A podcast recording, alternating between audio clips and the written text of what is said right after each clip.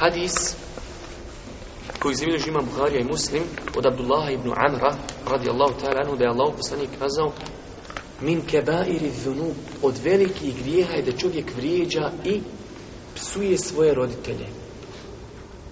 Pazite, to je danas skoro pa normalna stvar, da čovjek vrijeđa i psuje svoje roditelje. A pogledajte fitru i pogledajte, pogledajte e, ashabe. Kažu ashabi, Fekife. Pa zar je moguće, kaže Allah, poslije čovjek vrijeđa svoje roditelje. Kaže Allah, poslanik, veliki je grijeh da čovjek vrijeđa svoje roditelje. On će tu pojasniti šta je mislio. Ali oni počinu mogu da shvati, ba Boži će zar može čovjek vrijeđati roditelje? A pa pogledajte, uzmite malo novine, uzmite znači, ili utiđite našim roditeljima, pa malo kad nas nema, tu upitajte kakav je sin, pa ćeš vidjeti kad babo izvadi spisa kakav je sin. Nije možda vamo negdje vanštinu i u prvom safu i, i svašta nešto, ali odnos prema babi i majci, tu babo ima opaski veliki na ponašanje sina. Pa kaže, a babo poslanika se ratu sedam e, od velikih grijeha je i da čovjek vrijeđa i psuje svoje roditelje.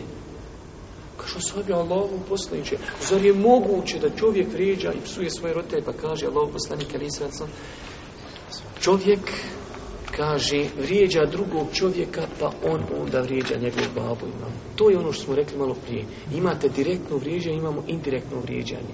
Čovjek toliko mora paziti na svoje roditelje, da sutra kada se s nekim svadi ili prepiri, da pazi da njemu ne kaže nešto zbog čega će on početi vrijeđati njegove roditelje. To je, braću moja draga, veliki grijeh. Veliki grijeh je da uvrijediš nekoga pa on nakon toga uvrijedi tvoje roditelje.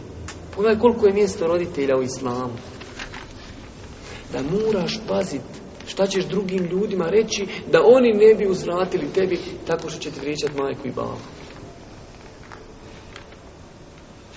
Koliko je, moja draga, veliko mjesto roditelja u islamu. Imamo isto drugi hadis u ovom poglavlju, znači skoro identičnog značenja, e, kod Allah subhanahu wa ta'ala je veliki grijeh da čovjek izloži svoje roditelje tuđem vrijeđanju, znači ili da on bude uzrokom njihovog vrijeđanja.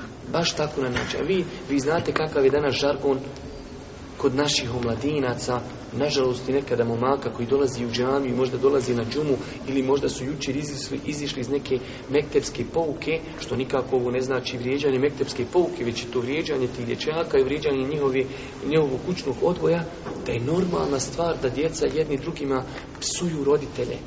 Čak šta, to je žargon, to je znači neka skoro kultura da se ljudi toliko odaljili da nesvjesno čini velike grijehe.